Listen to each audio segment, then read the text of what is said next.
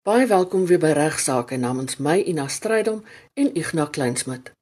In die eerste deel van vanoggend se program praat Ignas oor 'n hofsaak oor die toesig en versorging van 'n kat na die egskeiding van die kat se ouers.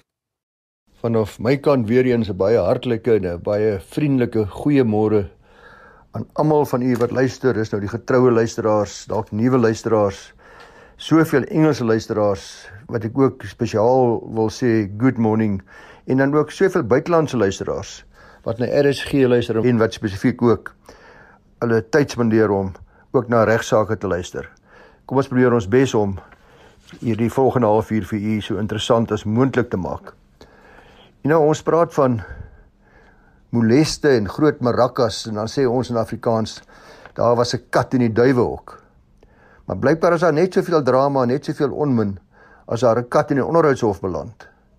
In hierdie geval praat ons van 'n pragtige chinchilla persiese kat. Ons praat van die Hooggeregshof daar in Durban. Ja, daar was 'n bitter katgeveg wat gebroei het tussen 'n geskeide egpaar oor hulle baie geliefde chinchilla persiese kat met die naam van Buffy. B U F F Y en is duidelik uit die hofstukke dat albei hierdie mense baie baie lief was vir Buffy en dit beskou het as hulle eie in aanhalingstekens kind. Die man, Durban se prokureur met die naam van Mark Leathers, het op 23 April 'n dringende aansoek gebring in die Hooggeregshof waarin hy gevra het vir 'n bevel om sy eksvrou, dit is Lisa Visser Leathers, te verbied om hierdie geliefde kat in 'n versorgingsplek vir katte, 'n cattery, te laat terwyl sy vir 'n klompie dae met vakansie sou wees. Uh in die aansoek maak dit baie duidelik dat hierdie aansoek bring in die beste belang van Buffy en geen ander rede nie. Maar ongelukkig vir hom het die hof nie saamgestem dat daar enige dringendheid was in hierdie aansoek nie, maar dit het hy ook in sy eetsverklaring baie duidelik aangedui dat hy in elk geval van voornemens om voort te gaan met verdere stappe vir die teruggee aan hom van hierdie kind soos hy die kat noem Buffy vanaf sy voormalige eggenote. Hierdie partye was al reeds uh, geskei in Julie 2020 en uh hulle was kinderloos gewees en dat daarna met die egskeiding na die egskeiding is daar besluit dat Buffy by mevrou Visser Leaders sou woon en uh hy sê dan ook hy het dit gedoen op daardie stadium omdat hy geglo het dis in die kat se beste belang. En Buffy terloops is al 'n redelike bejaarde kat. Uh, sy het saam met hulle gewoon as 'n klein katjie van af 2009 en hulle het toe besluit om haar deel soos hulle sê 'n lid van die familie te maak. In sy eetsverklaring sê meneer Leathers en ek dink sy vrou sê maar dieselfde sy sê dat Buffy was vir hulle die naaste wat hulle ooit aan 'n menslike kind sou hê. Hy beweer dat Buffy baie baie naby aan hom was, baie geëg aan hom was. Hy het uh, baie dinge vir haar gedoen is verstommend om te sien hoe hulle omgegee het vir hierdie kat. Dit het byvoorbeeld ingesluit dat hy in die oggend 4 uur opgestaan het spesiaal om haar te voed. Hy het vir haar verskeie nuwe speelgoed gekoop en het ook vir haar gunsteling kosse van oorsee af ingevoer. Hy het onder andere byvoorbeeld 'n afstandsbeheerde Wi-Fi ligverkoelers in die huis laat installeer sodat wanneer hulle bedags nie by die huis is nie, daar verseker kon word uh dat die temperatuur vir Buffy korrek sou wees. Dat geskik sou wees vir haar.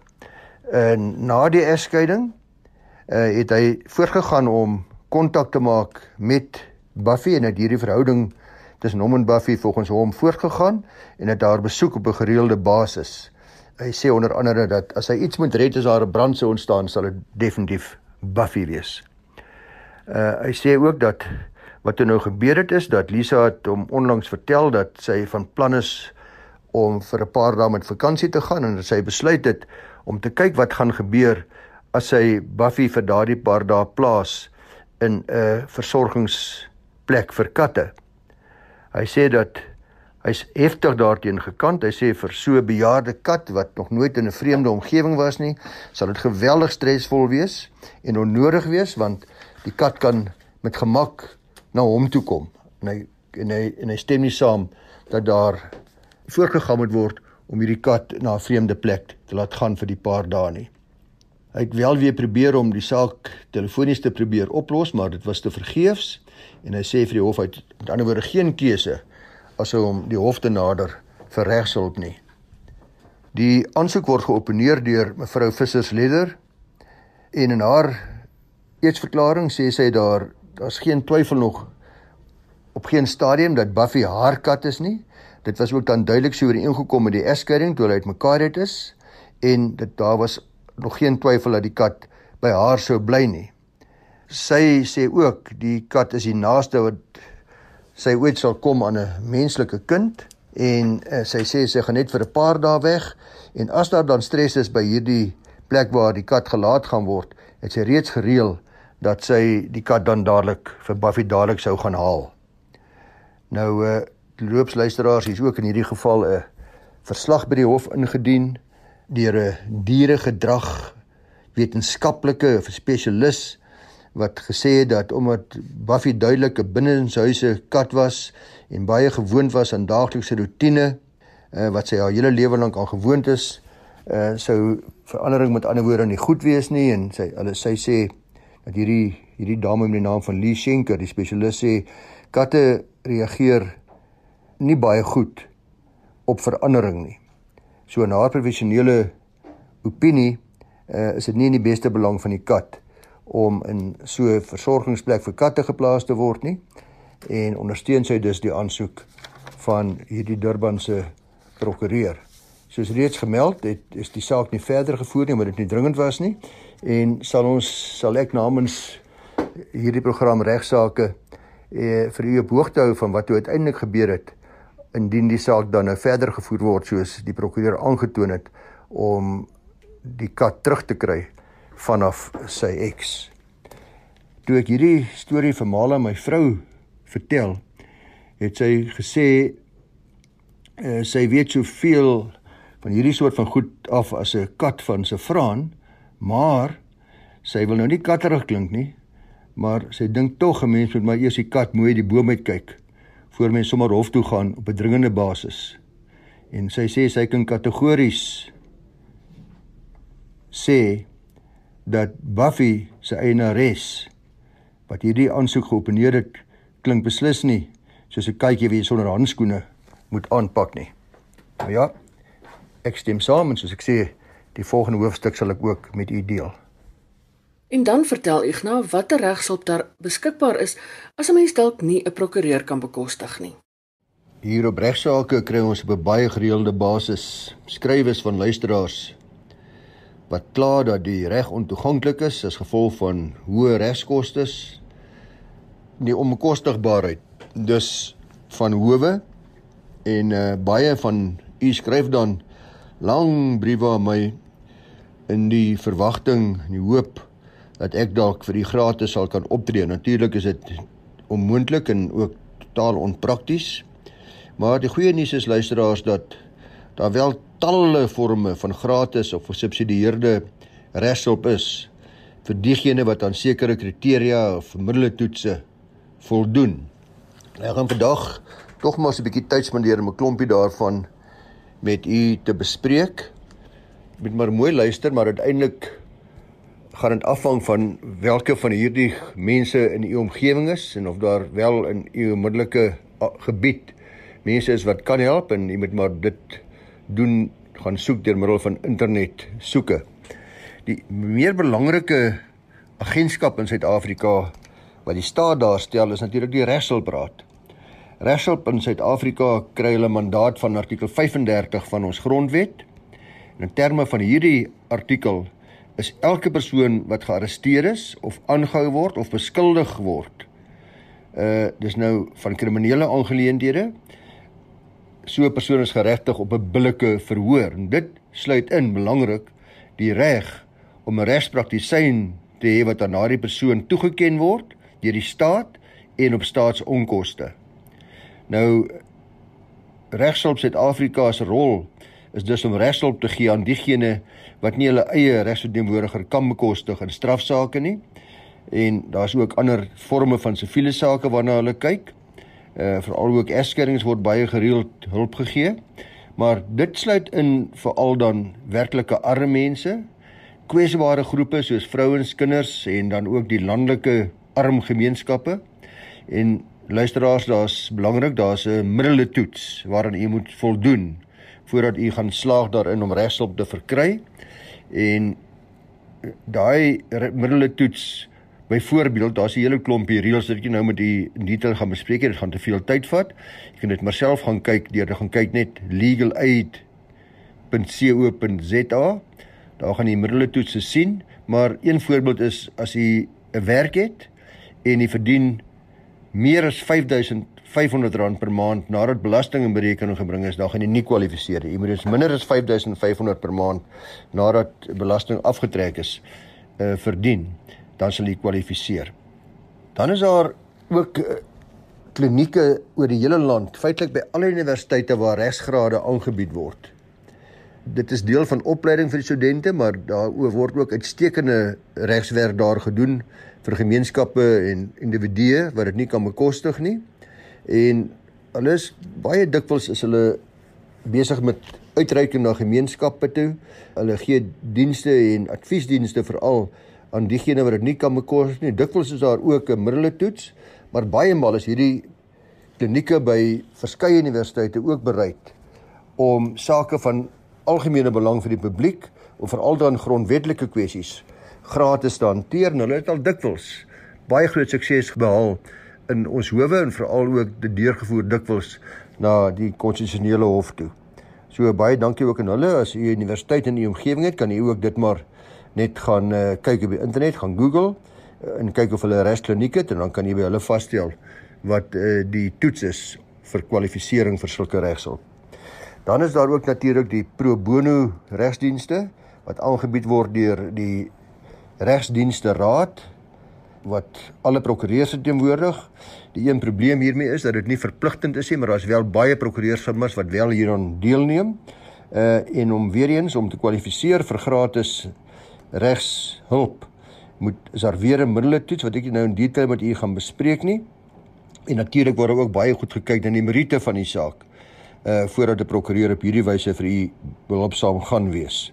U word dan verwys na 'n prokureur toe deur die Legal Practice Council, die regsdienste raad uh en daardie prokureurs land pro bono optree. Net wel in hierdie geval is die kliënt nog altyd verantwoordelik vir alle uitgawes, die werklike uitgawes soos byvoorbeeld balie kostes, uitgawes aan vervoerkostes ensovoorts, maar werklike uitgawes.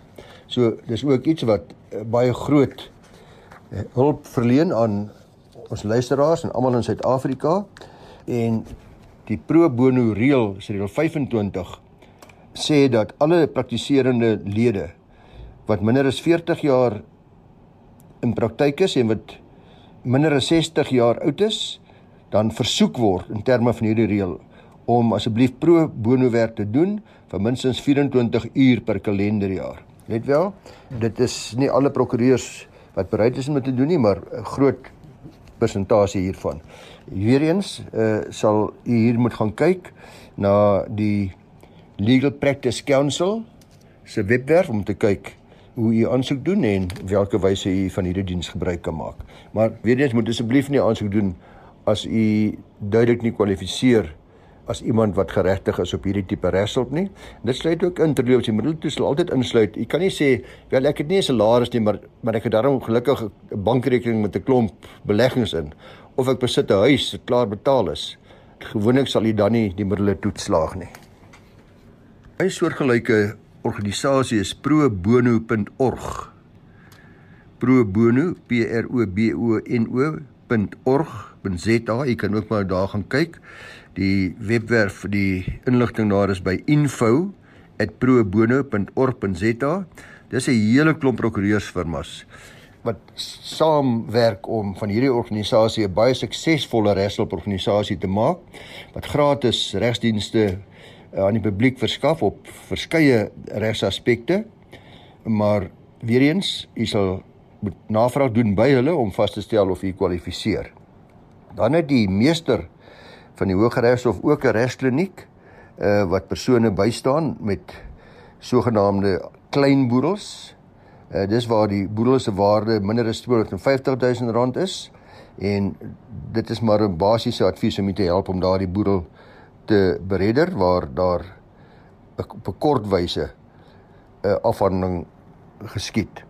Daar is ook 'n regskliniek vir vlugtelinge wat ek nie verder gaan mee vermoei nie behalwe om te sê dat talle vlugtelinge van hierdie refugee legal clinic gebruik maak. En dit is kliniek wat dan handel met vlugtelinge veral in terme van artikel 27 gesertifiseerde vlugtelinge. Luisteraars, daar's verskeie ander kleiner klinieke wat ek u nie gaan mee vermoei nie, maar wat u maar gaan kan kyk as u na net legal clinics gaan Google gaan u waarskynlik op hulle afkom kyk of dit op dalk op u van toepassing is.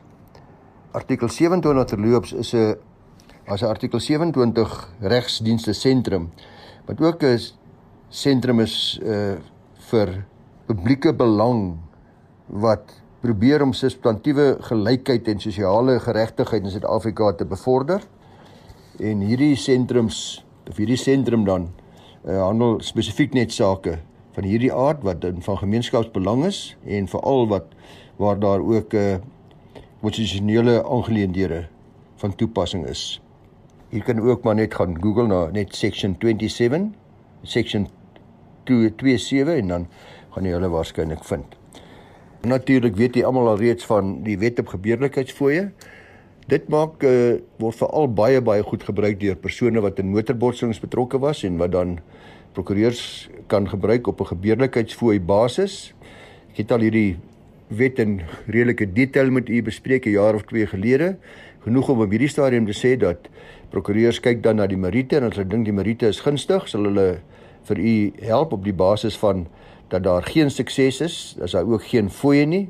As daar wel sukses is, is die prokureur dan geregtig op 25% van die bedrag wat waarmee hy suksesvol is of twee maal die prokurering teen kostes wat ook nogal die minste is. So dis ook diens wat deur prokureurs aangebied word ook uh, by invorderings maak baie prokureurs daarvan gebruik om kliënte behulpsaam te wees. So ek hoop luisteraars die van u wat op moedverlose vlakte is omdat die regsdiens nie kan bekostig nie, daarom nou so 'n bietjie goeie nuus gekry het. Die program word vir ons aangebied met die ondersteuning van die Prokureursorde van Suid-Afrika. Ek nou bespreek in die deel van die program 'n hofsaak waarin die eienaar van 'n lodge aangekla is van nalatigheid wat betref die 100 jaar vloedlyn. Ja, daar's een van daai tragiese gebeure wat in hierdie hofsaak wat ek nou met u gaan behandel afspeel wat die mens net weer laat besef hoe maklik 'n tragedie kan plaasvind en hoe ons soms as individue deur ons hoof aanspreeklik gehou kan word al dink ons self dat ons nie eintlik iets verkeerd gedoen het nie. Dit het afgespeel hier in Noordwes, het dit my laat dink byvoorbeeld 'n voorbeeld wat ek altyd gebruik is dat eh, ek ry daar langs die Durban strand af, strandfront. En daar loop 'n klompie skraps geklede dames in bikinis op die sypaadjie en my oog dwaal vir 'n oomblik van die pad af. Die volgende oomblik ry ek of jy iemand anders se kind wat oor die pad gehardloop het raak. En sê maar net hy of sy is baie ernstig beseer of kan self sterf. Hy tog. Vir 'n oomblik my waaksaamheid verslap en die volgende oomblik skuldig aan strafbare manslag want ek was nalatig deur my oë van die pad af te laat dwaal. En uiteraard van die saak, dit maak nie saak wat die vorderheid uiteindelik is in hierdie omstandighede nie, maar vir my en vir u en as dit so iets mense oorkom sal dit 'n lewenslange straf wees. Dan hierdie hofsaak gedurende die vroeë oggendure van 16 Desember 2010 hier in die Noordwes provinsie het die Black familie se vakansie in 'n tragedie geëindig toe 'n jong kind van 2 jaar en 8 maande oud Erik Daniel deur vloedwater weggespoel het. Die Black gesin het lekker gaan naweek hou op die by die Kingfisher Lodge daar op 'n plaas en hierdie spesifieke gelei was vir hulle 'n voorkeursgelei omdat dit so naby aan die water was. Die seuns kon van die stoep af staan en visvang. En natuurlik glo ek die eienaar het ook gedink dis 'n goeie plek om die chalet te plaas omdat dit visvang soveel makliker maak en so goed geleë is vir vakansiegangers. Maar gedurende die aand van die 15de Desember 2010 het swaar reën geval wat veroorsaak het dat die Groot Marieko rivier sy walle oorstroom het. Daardie aand van die 15de Desember het die gesin wakker geword met water wat die chalet binnendring. Die water was al so hoog dat die boeke op die familie se bedkassie al nat was en hulle parafienlampe was geblus deur die water. Daar was 'n gespartel na veiligheid en dit was gedurende hierdie gespartel wat die jong seun en ek nog maar amper 'n baba deur die water weggespoel is en eers later die oggend deur 'n soekspan gevind is. Nou Black familie het 'n eis ingestel teen die eienaars van die lodge en het aangevoer dat daar versuim was om die sorgsaamheidsplig teenoor die familie na te kom deurdat die eienaar nalatig was in die sin dat hy die chalet gebou het binne die 100 jaar vloedlyn van die rivier dat dit 'n gevaarlike gebied is om te bou en dat meneer Erasmus nalatig was die nie die nodige stappe te neem om te voorkom dat daar gevaarlike situasies ontstaan of dat die black familie se veiligheid in gedrang is nie dat dit daar ook nie behoorlik gewaarsku het teen die vloede nie. Nou hoop almal wat luister en wat dalk nou geboue opgerig het of vakansieplekke het wat binne die 100 jaar vloedlyn is, luister baie mooi want uh, die tragiese gebeure wat ek nou beskryf het kan sekerlik ook by ander plekke in ons mooi land gebeur. Meneer Erasmus het natuurlik die aantuigings teen hom ontken en aangevoer dat die gebeure van daardie aand en in die vroeë oggendure van die 16de Desember 'n buitengewone natuurverskynsel was en dat hy dit nie kon voorsien nie, dat dit nie redelikerwys voorsienbaar was nie en dat hy dus uh nie opset of nalatigheid gehad het aan sy kant nie. Hy het aangevoer dat toe hulle die chalet bespreek het, dis nou die Blacks, uh en op die plaas aangekom het en okupasie van die chalet geneem het, het hulle kontraktueel afstand gedoen van enige reg wat hulle teen die eienaar sou hê as gevolg van verlies want hulle het aanvaar dat hulle okupasie van die chalet neem op eie risiko. En dit is gebaseer op wat mense baie sien by plase en by vakansieplekke en by oorde dat daar kennisgewingsborde opgerig was volgens meneer Erasmus aan weerskante van die plaas ingang. Hierdie kennisgewingsborde spel gewoonlik uit dat mense die eiendom betree op eie risiko en uh, daar word sekere risiko risikobepalings daarin uitgespel. Die blacks daarin teen en aangevoer dat hulle geensins ingelig is van die bestaan van hierdie borde nie en dat die familie hulle ook nie ten tye van die vakansie dit enigstens gesien het nie. So hulle was nie bewus van die borde nie en tog belangrik dat as daar sulke risiko uitsluitingskennisgewingsborde is dat besoekers daarvan deeglik bewus moet word dat hulle so geplaas moet word dat dit duidelik is dat hulle dit eintlik nie kon mis nie. Nou gedurende die verhoor van Black versus Erasmus in die Hooggeregshof van Mahikeng onder saak nommer 718 van 2011 het 'n uh, my Black getuig dat die familie slegs aangeraai was om versigtig te wees wanneer hulle die laagwaterbrug oorsteek en daar 'n bord was wat gewaarsku het dat die brug af en toe wel oorspoel. Met behulp van 'n deskundige getuie kon die Black familie bewys dat die reënval gedurende hierdie aand van die 15de Desember nie so ongewoon was nie. Eindelik geensins ongewoon was vir die omgewing nie, dat dit nie hoër was as 'n normale reënvalpatroon vir daardie gebied nie. Dit was swaar reën ja, sê hulle, maar niks buitengewoon nie. Die hof het uiteindelik luisteraars te gunste van die Black familie 'n bevinding gemaak en beslis dat die weergawe van mevrou Black van die gebeure meer waarskynlik was en ook gemeld dat meneer Erasmus homself weerspreek het. Die hof het ook bevind dat daar slegs kennisgewings langs die laagwaterbrug was wat gewaarsku het dat die brug af en toe oorspoel en verder dat die eienaar nalatig was omdat hy die chalet so naby aan die water gebou het terwyl hy behoort te geweet het van die feit dat dit binne die 100 jaar vloedlyn val. Dit word ook verwys na die feit dat die Black familie nooit ingelig was van die feit dat hulle geïsoleer sou wees teen tye van enige vloed nie en dat daar geen alternatiewe roete uit sal wees omdat die laagwaterbrug verspoel sal wees nie. Dis is meer Erasmus toe 100% nalatig bevind, geen bydraende nalatigheid aan die kant van die Black familie nie, as gevolg van die feit hoofsaaklik dat hy dan ook die alleen eienaar van die chalet was. Die hof het verder bevind dat meneer Black ook aanspreeklik is vir die skade gelei deur die Black familie wat ook betref hulle bates wat hulle verloor het gedurende hierdie vakansie op daardie tragiese naweek van 15-16 Desember 2010.